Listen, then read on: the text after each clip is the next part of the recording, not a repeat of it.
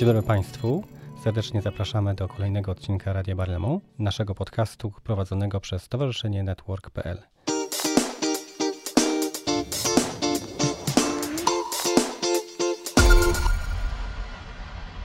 W dzisiejszym odcinku będziemy rozmawiać z trzema moimi gośćmi na temat programu staży w instytucjach Unii Europejskiej. Ja nazywam się Michał Kupicki, a ze mną w studiu dzisiaj jest Alicja Rajpert. Dzień dobry Państwu. Magdalena Jacyna. Dzień dobry Państwu. I Mateusz Mroczek. Dzień dobry, witam. E, wszystkie te trzy osoby są aktualnymi oraz byłymi stażystami, którzy w tym projekcie uczestniczą albo uczestniczyły i dzisiaj byśmy opowiedzieli sobie o ich doświadczeniu, o tym w jaki sposób dotarły do mm, informacji i w jaki sposób udało im się przejść całą rekrutację oraz jak wygląda staż e, i co im najbardziej zapadnie w pamięci jakie największe korzyści w rozwoju ich kariery widzą w uczestnictwie w tym programie. Więc zaczniemy może od takiego prostego pytania: czym jest program stażowy? E, Unia Europejska daje możliwość odbycia staży we wszystkich e, instytucjach, to znaczy w Parlamencie Europejskim, Radzie Unii Europejskiej czy Komisji Europejskiej. Konkretnie mm, dzisiaj będziemy mówić bardziej o stażu w Komisji Europejskiej, tak zwanym Blue Booku. Na ten program mogą się dostać e, absolwenci uczelni wyższych. E, minimalnym wymogiem jest tytuł licencjata. I oczywiście e, znajomość języków obcych, angielskiego, francuskiego, każde języki tak na dobrą sprawę są mile widziane. E, staż trwa 5 miesięcy, odbywa się dwa razy do roku w cyklach od października do końca lutego i od marca do końca lipca danego roku. Aplikacja na, na ten staż odbywa się mniej więcej pół roku przed planowanym rozpoczęciem stażu. Jedyny wymóg taki, że jeszcze trzeba być obywatelem Unii Europejskiej, ale akurat wszyscy mamy to obywatelstwo. Tak, i warto dodać, że te staże są e, płatne. A, tak, faktycznie.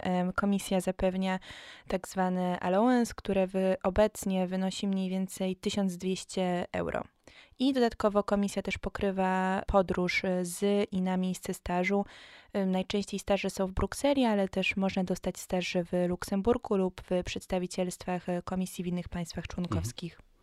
Czyli jest to na tyle dużo, żeby mm, przeżyć w Brukseli tak, myślę, że, że w obecnej sytuacji w Brukseli można się utrzymać w tej kwocie i nie potrzeba żadnych już wydatków dodatkowych. Na pewno e, trzeba powiedzieć sobie wprost, że to nie jest pensja, z której można coś odłożyć, ale na takie podstawowe taki już, tak powiem, start kariery na pewno jest to kwota wystarczająca. Dokładnie. Nie pozwala to na życie w luksusach, ale można się utrzymać w Brukseli. No, raz na jakiś czas do baru można pójść, więc myślę, że już na etapie młodego, e, młode, młodego profesjonalisty jest to już duży luksus. No tak, życie w Brukseli, jeśli chodzi o bary, no, na to też trzeba znaleźć czas. Ja bym chciał teraz może mm, spytać się o to, skąd taki pomysł, żeby wysłać aplikację do Brukseli? Dlaczego ten program Was zaintrygował i zainteresował? Ja mogę zacząć. E, ja obecnie ten staż odbywam w gabinecie komisarza do spraw sprawiedliwości. Pomysł wziął się głównie z tego, że po pierwsze, e, Unia Europejska jako instytucja międzynarodowa powiedziałabym, że jest jedną z najbardziej dostępnych instytucji dla młodych ludzi. E, w przeciwieństwie powiedzmy do innych e, instytucji międzynarodowych nie wymaga e, kilku lat doświadczenia zawodowego dla początkowych pozycji, więc na pewno jest to fajny start.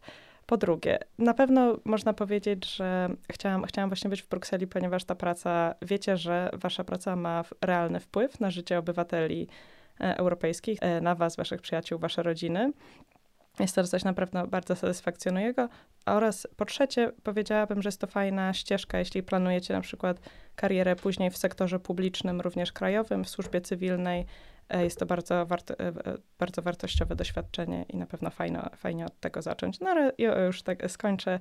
E, środowisko międzynarodowe jest to super, że mieszkacie w mieście i pracujecie z ludźmi z całej Europy.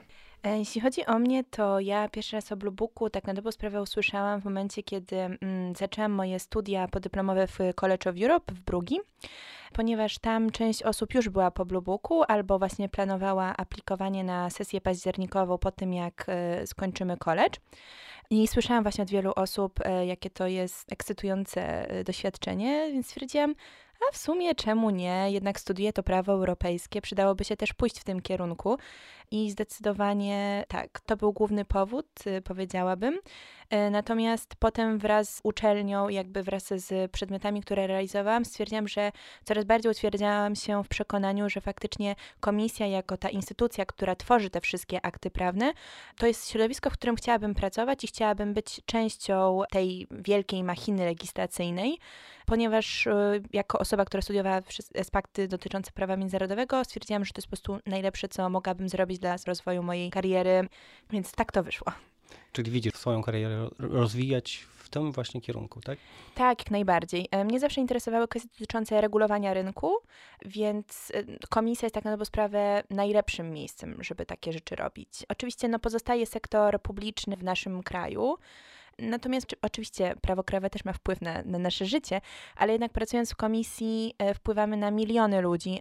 I myślę, że ta waga tego, co się robi, to jest coś, co mnie kręci, że się tak wyrażę.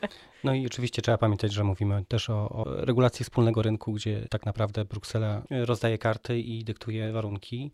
Mateusz, do ciebie jeszcze przejdziemy. Tak, mój przykład jest e, troszeczkę podobny do Alicji ponieważ też już w trakcie studiów zacząłem zajmować się prawem konkurencji. Brałem udział w takich e, seminariach, które dotyczyły tej dziedziny prawa. Pisałem z tego pracę magisterską. Potem zacząłem pracować w kancelariach, które się zajmowały prawem konkurencji, doradzaniem klientom, e, jak postępować w zgodzie z prawem konkurencji, tak żeby uniknąć postępowań e, o naruszenie prawa konkurencji, które w Polsce prowadzone są przez UOKiG, na szczeblu unijnym przez Komisję Europejską. No i pracując w tym prawie konkurencji, zacząłem w tym sektorze prywatnym, zacząłem się rozglądać za różnymi opcjami rozwoju zawodowego też po tej drugiej stronie. Niektórzy twierdzą po tej e, dobrej, czyli tych podmiotów, które właśnie egzekwują prawo konkurencji. E, no i wyszukiwałem sobie gdzieś tam w największej wyszukiwarce dostępnej obecnie na rynku e, różnych opcji stażowych e, też za granicą i znalazłem coś takiego jak właśnie staż Blue Book. Okazało się, że również właśnie w Komisji Europejskiej Dyrekcji Generalnej do Spraw Konkurencji, gdzie teraz pracuję, taki staż można odbyć i zaaplikowałem tam zaraz po studiach nie mając kompletnie żadnej wiedzy na ten temat, jak wygląda postępowanie e, rekrutacyjne, co należy zrobić, e, jak przygotować tą całą swoją aplikację. No, nie udało się. Potem jeszcze w trakcie pracy, w mojej aplikacji też radcowskiej, e, zrobiłem jeszcze studia podyplomowe na King's College w Londynie, gdzie poznałem jedną osobę, która była właśnie na stażu w Komisji Europejskiej i pokazała mi, jak zrobić to w odpowiedni sposób, jak przygotować swoją aplikację. No i e, w taki sposób znalazłem się w Komisji Europejskiej jako stażysta, a obecnie jako urzędnik kontraktowy, tak zwany case handler, właśnie w Dyrekcji Generalnej do Spraw Konkurencji, gdzie pracuję po tej dobrej stronie nad tym, żeby firmy działające na szczeblu unijnym działały w zgodzie z prawem konkurencji. Tak, to bardzo ciekawa droga. E, I też trochę ukazująca, że, że dobrze się przygotować do aplikacji, jeśli chodzi o staże. To jest na pewno fajny sposób na to, żeby włożyć tą przysłowiową nogę w drzwi w instytucjach i potem już poznając, jak wygląda to od środka, móc, e, móc starać się o zatrudnienie. Przejdźmy zatem do bardziej konkretów, jeśli chodzi o to, jak wygląda taki staż na co dzień, jak wygląda dzień pracy. Czy jest to coś, co w Polsce być może funkcjonuje w powszechnej świadomości jako stereotyp stażu, czyli podawanie kawy i robienie ksero, czy jest to tak naprawdę coś więcej i ten staż oferuje możliwość lepszego przyjrzenia się, jak taka administracja od środka działa? E, to może tym razem ja zacznę. Powiem tak, e, też my z Magdą mamy trochę inne doświadczenie, ponieważ niestety, niestety odbywamy staż w momencie, kiedy komisja tak na dobrą sprawę pracuje cały czas zdalnie. Więc my jako takiego kontaktu w biurze i przy maszynie z kawą, to czy, czy fizycznie z kserem nie mamy do czynienia. E, natomiast nawet pomijając ten aspekt, to zdecydowanie sam staż jest bardzo daleki od przysłowiowego parzenia kawy i kserowania dokumentów ponieważ oczywiście stażystów jest kilkaset i każdy z nich na pewno ma inne doświadczenie, natomiast na szczęście w moim przypadku były to bardzo merytoryczne zadania. Ja trafiłam e, też w bardzo dobrym okresie do mojego unitu, ponieważ ja jestem w dyrekcji, która się zajmuje technologią, znaczy szczerze mówiąc, ja nie pamiętam, jaki dokładnie jest rozwinięcie po polsku, jeśli mam być szczera, to jest DG Connect. Jest to takie powiedzmy ministerstwo, które zajmuje się regulacją rynku cyfrowego, platformami, sztuczną inteligencją, 5G, tego różnego rodzaju rzeczami, takimi powiedzmy może dla niektórych trochę futurystycznymi. Natomiast te, ta konkretna dyrekcja próbuje jakoś ten rynek uregulować, mimo że technologia jest zawsze kilka kroków przed nami. W każdym razie, wracając bezpośrednio do mojego stażu, może tak, zaczynając od takich najprostszych zadań, to komisja dostaje bardzo dużo różnego rodzaju listów, zarówno od obywateli, jak i od firm, które y, to osoby przedstawiają różnego rodzaju problemy, zapytania, więc jakby takie najprostsze zadania to jest odpisywanie, przygotowywanie odpowiedzi na tego rodzaju y, listy.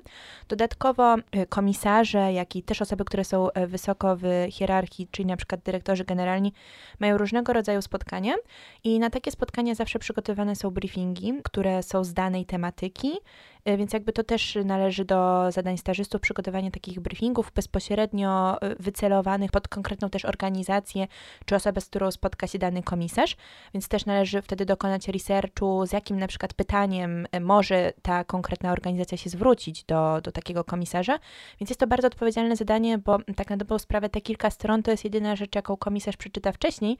I to tak jakby od nas zależy, czy będzie dobrze przygotowany i dobrze odpowie na pytania. Jeśli chodzi o inne rzeczy, no ja osobiście jestem prawnikiem, więc ja też miałam różnego rodzaju zadania dotyczące bardziej analizy prawnej. To znaczy, jestem akurat na tym etapie, kiedy tutaj mamy negocjacje pomiędzy instytucjami odnośnie tego, jak będzie wyglądać dane rozporządzenie. W związku z tym komisja na tym etapie jest organem, który pomaga i jak zarówno Parlamentowi Europejskiemu, jak i Radzie dojść do porozumienia. I zarówno Parlament, jak i Rada mają różnego rodzaju pomysły, jak zmienić tą propozycję przedstawioną przez komisję. I komisja musi jakby doprowadzić do tego, żeby nawet te zmiany, które zostaną wprowadzone, żeby potem miały jak sensownie po prostu zadziałały w praktyce. Więc do tego jest potrzebne bardzo dużo researchu, który potem osoby, które idą na te negocjacje z komisji, żeby miały taki background i mogły powiedzieć, ok, na przykład takie i takie rozwiązanie nie zadziała w praktyce, bo to i to i to. Więc na przykład taki stażysta ma zadanie przygotowanie takiego researchu i takiego dokumentu dla takiego negocjatora od strony y, komisji. Czyli jest to praca merytoryczna, tak naprawdę, tak. Która, która nie do, z jednej strony pozwala poznać głębiej ich daną działkę pośrednio, ale również pomaga przygotować e, stanowisko dla całej instytucji, prawda? Także jest to rzeczywiście bardzo ważna praca. Magdalena z nami jest, która ma szczęście pracy bezpośrednio z komisarzami w gabinecie. Może przybliżmy naszym e, słuchaczom rozróżnienie, ponieważ w administracji krajowej minister jest tak naprawdę też bezpośrednio zaangażowany w pracę administracji. Ta relacja pomiędzy urzędnikami a ministrami jest dużo bliższa niż w Komisji Europejskiej. Komisja Europejska ma bardzo wyraźną granicę pomiędzy tym, czym jest komisarz i jego zespół zgromadzony w jego gabinecie, a na czym polega praca samej dyrekcji generalnej podporządkowanej danemu komisarzowi. Także Magdalena musiał usłyszeć od Ciebie, jak wygląda Twoje doświadczenie pracy w, w gabinecie. Naturalnie, to ja zacznę od tego, że jak w pierwszym tygodniu odbywałam staż, wiedziałam, że już przerósł moje oczekiwania. Zdecydowałam się właśnie na staż w gabinecie komisarza, ponieważ chciałam zobaczyć ten bardziej polityczny poziom, powiedzmy, pracy w komisji. Czyli już Alicja wam opisała swoje zadania i moje zadania różnią się tym, że my jesteśmy tą linią końcową, my jesteśmy metą.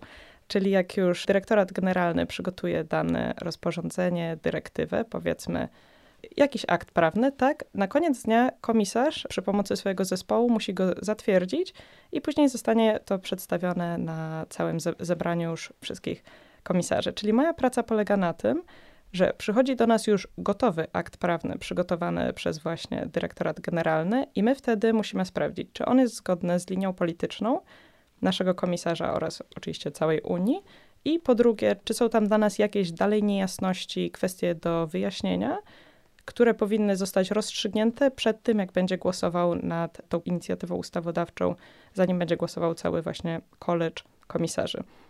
Czyli na przykład ja w listopad i grudzień pracowaliśmy nad dwoma pakietami legislacyjnymi. Jeden dotyczył digitalizacji sprawiedliwości. I moja praca wtedy była bardzo blisko z, z DigiJust, ponieważ już to był ten końcowy etap, tak? Czyli cały, cały akt był gotowy.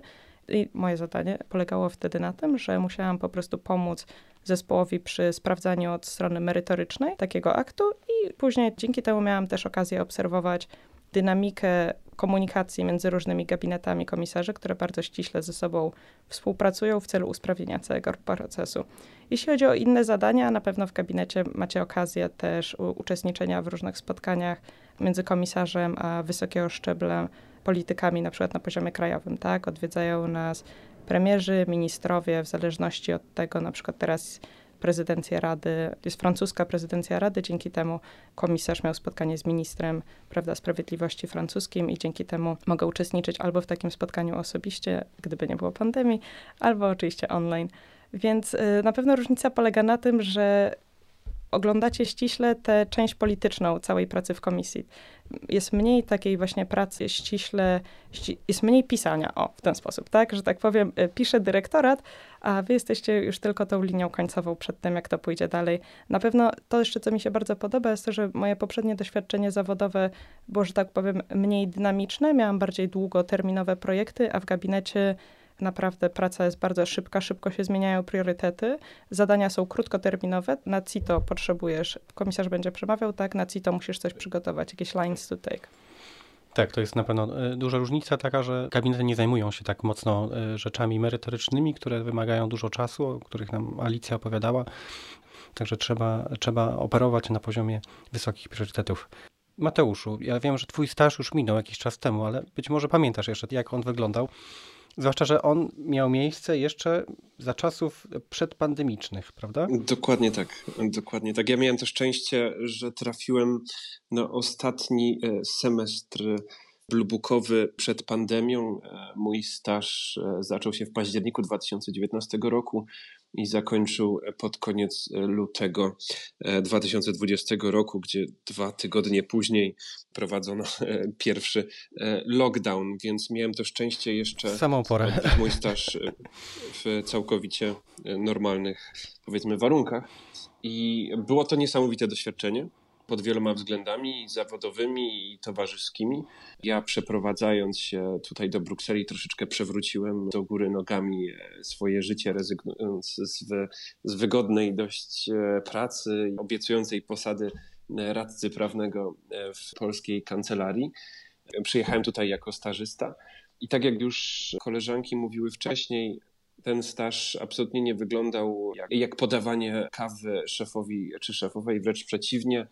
Pewnie też w związku z tym, że miałem już troszeczkę doświadczenia zawodowego, powierzano mi zadania, które powiedzmy nie były typowe dla stażysty. Zostałem przydzielony do spraw, które prowadziliśmy, które prowadzimy. Przygotowywałem różnego rodzaju raporty, researche, briefingi, noty dla komisarza. Przy czym tutaj też muszę zrobić pewne rozróżnienie. No, koleżanki mówiły wcześniej, że mają głównie do czynienia z legislacją, czy też e, na szczeblu gabinetu z polityką. E, my w DigiComp nie jesteśmy legislatorami, nie tworzymy polityk co do zasady. Nie jest to nasz główny przedmiot zainteresowania. Można tak. powiedzieć, że mamy taką troszeczkę działalność śledczą, troszeczkę jak prokuratura, więc e, ten charakter zadań, które wykonujemy, jest troszeczkę inny. Nie mogę powiedzieć, że jest mniej lub bardziej ciekawy. To zależy od preferencji danej osoby. Natomiast jest szalenie interesujący dla mnie jako osoby. Mogę poznać, jak firmy działają na rynku, jak funkcjonują. Przez różnego rodzaju narzędzia, którymi dysponujemy, możemy te, te metody działania e, poznać, śledzić i prowadzić postępowanie. Jako stażysta mogłem e, to robić. To był wymiar zawodowy, a wymiar towarzyski no Bruksela jest wspaniałym, niesamowicie mm, multikulturowym miejscem.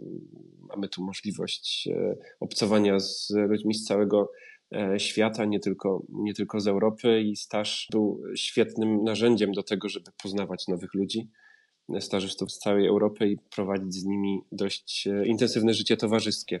Tak, można to porównać do takiego Erasmusa. E, w moim, w moim przypadku to był dla mnie taki drugi, e, drugi Erasmus. No liczymy, że Bruksela z powrotem stanie się takim miejscem, że ta pandemia w końcu się skończy. E, miejmy nadzieję. Miejmy nadzieję. No niesamowite tutaj mi przedstawiacie historię. Cieszę się, że ten staż dla Was jest takim e, rozwijającym doświadczeniem. E, chciałbym zatem e, może prosić Was o podzielenie się z naszymi słuchaczami, jak się przygotować do takiej aplikacji, jaki jest przepis na udaną aplikację. Przede wszystkim to, co jest istotne, to to, żeby zarezerwować sobie na przygotowanie takiej aplikacji co najmniej kilka dni, mm, ponieważ formularz jest dość długi.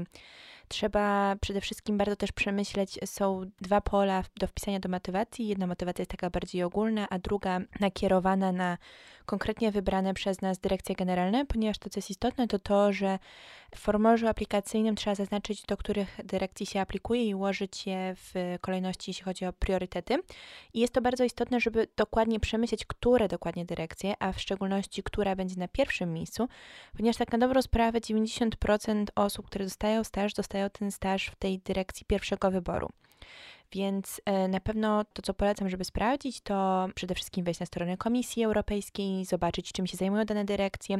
Jest coś takiego jak tak zwany organigram, to znaczy jest to taka, tak, taka plansza, na której są rozpisane poszczególne unity, czyli tak zwane zespoły, na które podzielona jest dana e, dyrekcja generalna.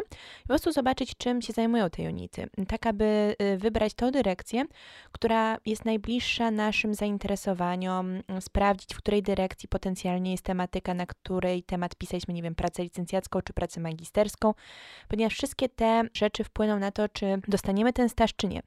Ponieważ to, co trzeba na pewno sobie powiedzieć jasno, jest bardzo dużo aplikacji, a miejsc na staż jest, no, niby dużo, ale ostatecznie przy takiej ilości aplikacji jest mało, więc trzeba bardzo dokładnie zastanowić się, gdzie się chce zaaplikować i tą motywację bardzo trzeba sprawdzać tak zwane keywords. To znaczy, na przykład tak, w moim przypadku mm, pierwszą dyrekcją była ta dyrekcja zajmująca się technologiami, kwestiami cyfrowymi. Więc ja bardzo dużo, w, w, w dużych, dużo, dużą ilość razy wpisałam w mojej aplikacji Digital Single Market, Digital Freedoms. Generalnie cały czas się jakby cały czas jakby te, te kwestie cyfrowe wpisywałam do tej mojej aplikacji, ponieważ potem jakby osoby, które wybierają tych stażystów, wpisują właśnie takie słowa klucze, które dla tak. nich są istotne. Bardzo się cieszę, że na to zwróciłaś uwagę, bo ja również pracując już w Komisji Europejskiej uczestniczyłem w poszukiwaniu stażystów i bardzo często właśnie mm, w momencie zetknięcia się z bazą danych, gdzie jest kilkanaście tysięcy kandydatów, Jedynym sposobem, żeby w skutecznej filtracji, to jest właśnie poszukiwanie na podstawie różnych słów kluczowych. E, tak, ponadto to, co jest na pewno bardzo istotne, to to, że dużo punktów idzie za tak zwane kwestie dotyczące edukacji. W związku z tym, niby, znaczy powiem tak, oficjalnie można aplikować na staż mając jedynie licencjat, ale w praktyce powodzenie aplikacji jest uzależnione tak na dobrą sprawę od posiadania już tytułu magistra. Znamy przypadki z Magdą osób, które miały tylko i wyłącznie licencjat, były w trakcie robienia magisterki, no i niestety odpadły już na pierwszym etapie, więc mimo, że jest to staż, tak na dobrą sprawę wymagania są bardzo wysokie. Więc raczej polecamy aplikowanie już w momencie, kiedy się uzyska tytuł magistra. E, dodatkowo to, co jest bardzo istotne, to też to, że mm, w, jest oceniany tak zwany aspekt międzynarodowy. To znaczy, jeżeli mamy okazję zrobić Erasmusa, bardzo ważne, żeby mieć tego Erasmusa. Jeżeli mamy okazję studiować za granicą, jeszcze bardziej istotne ponieważ no, komisja jest tym międzynarodowym środowiskiem, więc też jakby jest na tyle duża konkurencja, że po prostu bez tego doświadczenia międzynarodowego praktycznie nie da się moim zdaniem dostać. Więc e, na pewno jeżeli um, ktoś, kto nas słucha, jest jeszcze w trakcie edukacji i ma, ma możliwość właśnie zdobycia takiego y, doświadczenia międzynarodowego, to jak najbardziej polecam, bo to zdecydowanie zwiększa powodzenie takiej naszej aplikacji. I, I, ja może nie posunąłby się, posunąłbym się do tak dalekiego stwierdzenia, e, że nie da się, bo znam osoby, które to doświadczenie międzynarodowe miały na, na niższym poziomie, natomiast zawsze wszyscy chyba mieli e, Erasmusa. Więc to jest na pewno coś szalenie istotnego, żeby jeśli mamy możliwość e, wybrania się na Erasmusa, to serdecznie do tego zachęcam. Jasne, jak ja bym jeszcze mogła dodać, to tak z kwestii pragmatycznych wracając do tego, co Alicja powiedziała o formie aplikacyjnej, formularz. E, na pewno zarezerwujcie na to parę dni i na pewno sprawdźcie to sami, poproście kogoś, żeby jeszcze wam to raz sprawdził, co daty. Ponieważ nawet jeśli się zakwalifikujecie do drugiego etapu, wtedy musicie przedstawić dokumenty komisji potwierdzające wszystkie fakty, które tam przedstawiliście. I naprawdę dyskwalifikują ludzi, jeśli zrobicie błąd w dacie, tak? Czyli byliście właśnie na Erasmusie w 2019, formie zrobicie literówkę, wpiszecie 2017, koniec. Tak, i po prostu głupio jest odpaść przez taką drobnostkę, a na, znowu, znamy ludzi, którym się to przytrafiło. E, tak samo z językami. Sprawdźcie, czy na pewno macie później jak potwierdzić e, dany poziom języka, tak, żeby naprawdę lepiej być, że tak powiem, szczerym i coś zaniżyć, niż zawyżyć i ryzykować to, że później by się odpadło mimo zakwalifikowania do drugiego etapu. Jeśli jeszcze chodzi o samą aplikację, bardzo ważna jest też motywacja i ważne jest to, żeby nie pisać ogólników, tak, żeby nie pisać tam kocham Unię Europejską od kiedy miałem 5 lat, bo powiedzmy sobie szczerze, to nie jest prawda, tylko zróbcie tę motywację o sobie, tak, zastanówcie się, w jaki sposób Unia na przykład pojawiła się w moim życiu, albo w jaki sposób ja, nie wiem, brałem kiedyś udział w jakimś projekcie na studiach, albo właśnie miałem udział, y, po, po, okazję pojechać na Erasmusa. Naprawdę ważne jest to, żeby zrobić tę motywację o sobie, bo y, tak jak już tu było wspomniane, aplikacji jest kilkanaście tysięcy i po prostu zakładam, że całkiem spora rzesza ludzi właśnie pisze, że od kiedy miałem 8 lat marzyłem o tym, żeby zostać urzędnikiem. Chyba wszyscy wiemy, że jest to raczej y, bajka na potrzeby aplikacji, więc zastanówcie się po prostu na spokojnie, czemu to, czemu to wy, czemu, czemu to jest dla was ważne, czym się wyróżniacie. I po prostu rozpiszcie to sobie na kartce, patrząc właśnie na na przykład na strony dyrektoratów, które was interesują, tak? Okej, okay, oni się zajmują, DigiJust się zajmuje sp e, sprawami praworządności, a wy na przykład, nie wiem, na studiach robiliście o tym projekt, więc jest to wam bliskie. Starajcie się, żeby, żeby ta historia naprawdę była osobista i się wyróżniła na tle innych. Dokładnie. Ja zgadzam się ze wszystkim, e, co koleżanki wspomniały. E, wydaje mi się, że przede wszystkim trzeba mieć też na siebie pomysł w komisji, to gdzie chcemy się znaleźć i pod tym kątem sprofilować całą e, naszą aplikację. Ja pamiętam pierwsze razy, kiedy aplikowałem, właśnie nie wiedziałem, jak to robić. I robiłem to właśnie w sposób ogólny, bo wydawało mi się, że to może zwiększyć moje szanse i popełniłem błąd. Przez to e, zostałem odrzucony e, za, za tym pierwszym razem. E, I potem, kiedy udało mi się, moja aplikacja była konkretnie bardzo sprofilowana pod prawo konkurencji, właśnie pod Dyrekcję Generalną do Spraw Konkurencji. Właśnie miałem w głowie, pisząc motywację, te słowa kluczowe, to czym się Dyrekcja Generalna do Spraw Konkurencji zajmuje, jakie największe sprawy ostatnio miała na tapecie E, tak, żeby właśnie pokazać e, tym osobom, które potem wyszukiwały mnie w bazie danych, że mam wiedzę i, i potrafię ją udowodnić, tak? I to jest działka, w której chciałbym się e, rozwijać, bo właśnie ten pomysł, ta proaktywność jest, jest bardzo ceniona w komisji. Z takich też praktycznych rzeczy, bo też miałem do czynienia z przeglądaniem już aplikacji niektórych kandydatów na staże, Naprawdę zwracajcie uwagę na różnego rodzaju szczegóły, błędy ortograficzne, literówki, czy taką ogólnie niechlujność w waszych aplikacjach. Niestety takie aplikacje przepadają na samym starcie, tak? To jedna rzecz. To druga, starajcie się, żeby wszystko, co stwierdzacie w waszych dokumentach aplikacyjnych, miało oparcie w różnego rodzaju certyfikatach, e, dyplomach itd., e, itd. Tak to jest bardzo istotne, bo jeżeli przejdzie się do drugiego etapu, to komisja daje 7 dni roboczych na zeskanowanie i przesłanie wszystkich dokumentów, więc zawczasu lepiej zgromadzić wszystkie dokumenty, zaświadczenia o różnego rodzaju stażach, dyplomy z uczelni, wszystko co, ogólnie wszystko co się wpisze do, w aplikacji musi być na to papier. I komisja jakby nie przyjmie, że ojej, bo nie doszło mi potwierdzenie od mojego pracodawcy.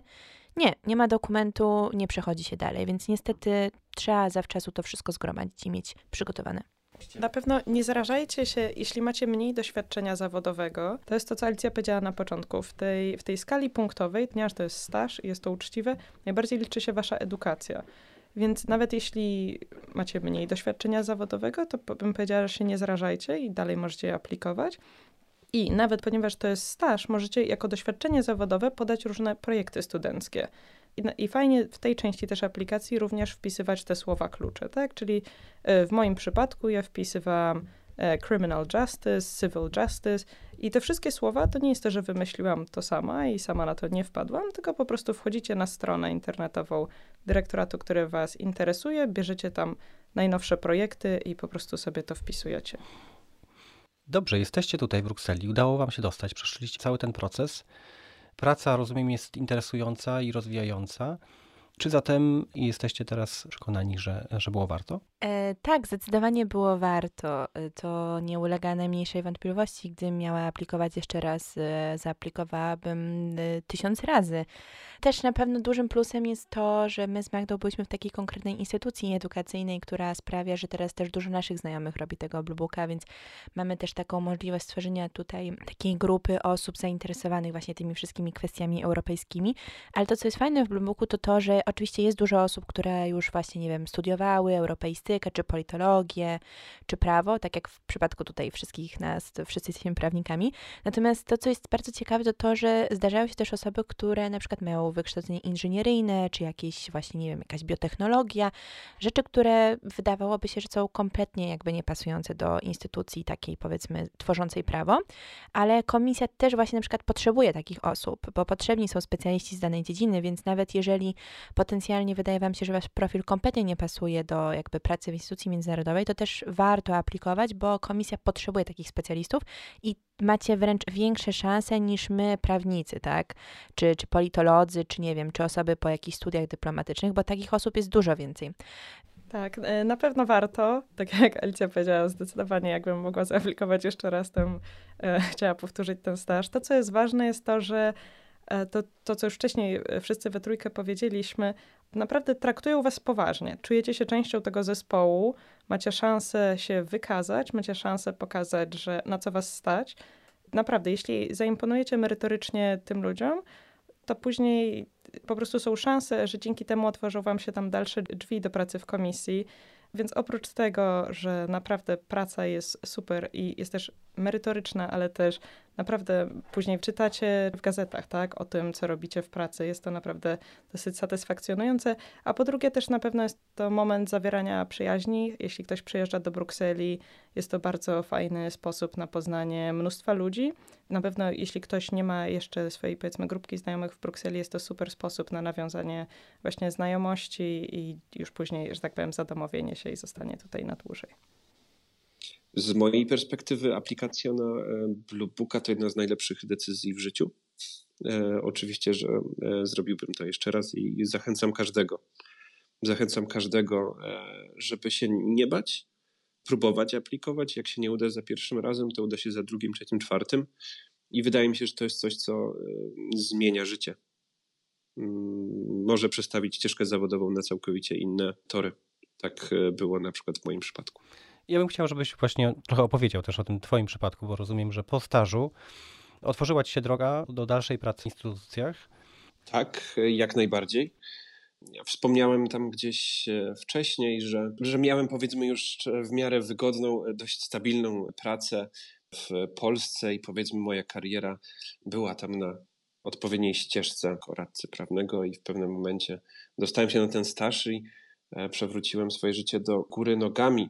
Ale nawet przyjeżdżając tutaj do Brukseli, e, przyjechałem z myślą, e, że jestem tutaj na chwilę, na pięć miesięcy, e, zrobię ten staż, zdobędę doświadczenie i wrócę z powrotem do Polski. Natomiast w trakcie stażu okazało się, że w wydziale, w którym pracuję, zwolniło się stanowisko agenta kontraktowego. I zapaliła mi się lampka, dlaczego by nie spróbować. E, I podszedłem do mojej szefowej w pewnym momencie e, i zapytałem, czy nie mógłbym zostać wzięty pod uwagę. I zaproszono mnie do, do procesu rekrutacyjnego. Udało mi się zdać testy, które są wymagane przed takim zatrudnieniem. I zostałem urzędnikiem. Cały proces trwał kilka dobrych miesięcy. Jeszcze został opóźniony przez pierwszy lockdown. E, zaraz to było na początku pandemii. E, więc przez kilka miesięcy żyłem troszeczkę w niepewności, natomiast e, udało się. Zacząłem pracę w sierpniu 2020 e, roku. Jestem już półtora roku na swoim stanowisku. Ciągle robię bardzo ciekawe rzeczy i fascynujące. Więc tak, staż jak najbardziej odegrał tutaj, wydaje mi się, kluczową rolę w zdobyciu zatrudnienia Czyli staż jest szansą do zaprezentowania siebie od dobrej strony. Myślę, że taka Dokładnie tak. osobista e, relacja też e, z, z ludźmi, którzy już pracują, daje szansę właśnie bezpośredniego zaprezentowania się i, i takie możliwości się pojawiają. Być może jeszcze chcielibyśmy napomnieć o tym, że oprócz tego, że takie okazje się zdarzają, Komisja Europejska również prowadzi program otwarty dla stażystów, Junior Professional Program? tak. E, Który umożliwia stażystom e, wejście na ścieżkę ułatwionego zostania pracownikiem mianowanym Komisji Europejskiej, co jest e, kategorią zatrudnienia bezterminowego. Jest to normalnie proces, który niezwykle trudno przejść, ponieważ chętnych e, jest bardzo dużo z całej Europy. No a będąc y, stażystą, taka szybsza e, ścieżka została utworzona po to, żeby m, tych najbardziej aktywnych i najbardziej obiecujących stażystów zatrzymać w komisji na dłużej. Także serdecznie zapraszamy do stron internetowych, y, gdzie o tym programie można się dowiedzieć. Również e, warto napomnieć, że na stronach internetowych network.pl znajduje się poradnik oraz informacje o tym, jak wygląda program stażowy jak najlepiej się przygotować oraz jest e, cały szereg wskazówek, jak e, później osiągnąć sukces, będąc już na tym stażu. Natomiast ja bym chciał dzisiaj podziękować wszystkim naszym gościom za bardzo niezwykłą i ciekawą rozmowę i liczę, że nasi słuchacze zostaną zainspirowani do tego, żeby zaaplikować i przyjechać na staż do Brukseli. Serdecznie zapraszamy. Powodzenia. Trzymamy kciuki, jak coś, to na pewno możecie znaleźć nas po imionach i nazwiskach w internecie i pisać z pytaniami i trzymamy kciuki. Dziękuję serdecznie, dziękuję serdecznie i zachęcam. Serdecznie dziękuję za rozmowę i liczymy na to, że już niedługo będziemy znowu z Państwem mogli się usłyszeć.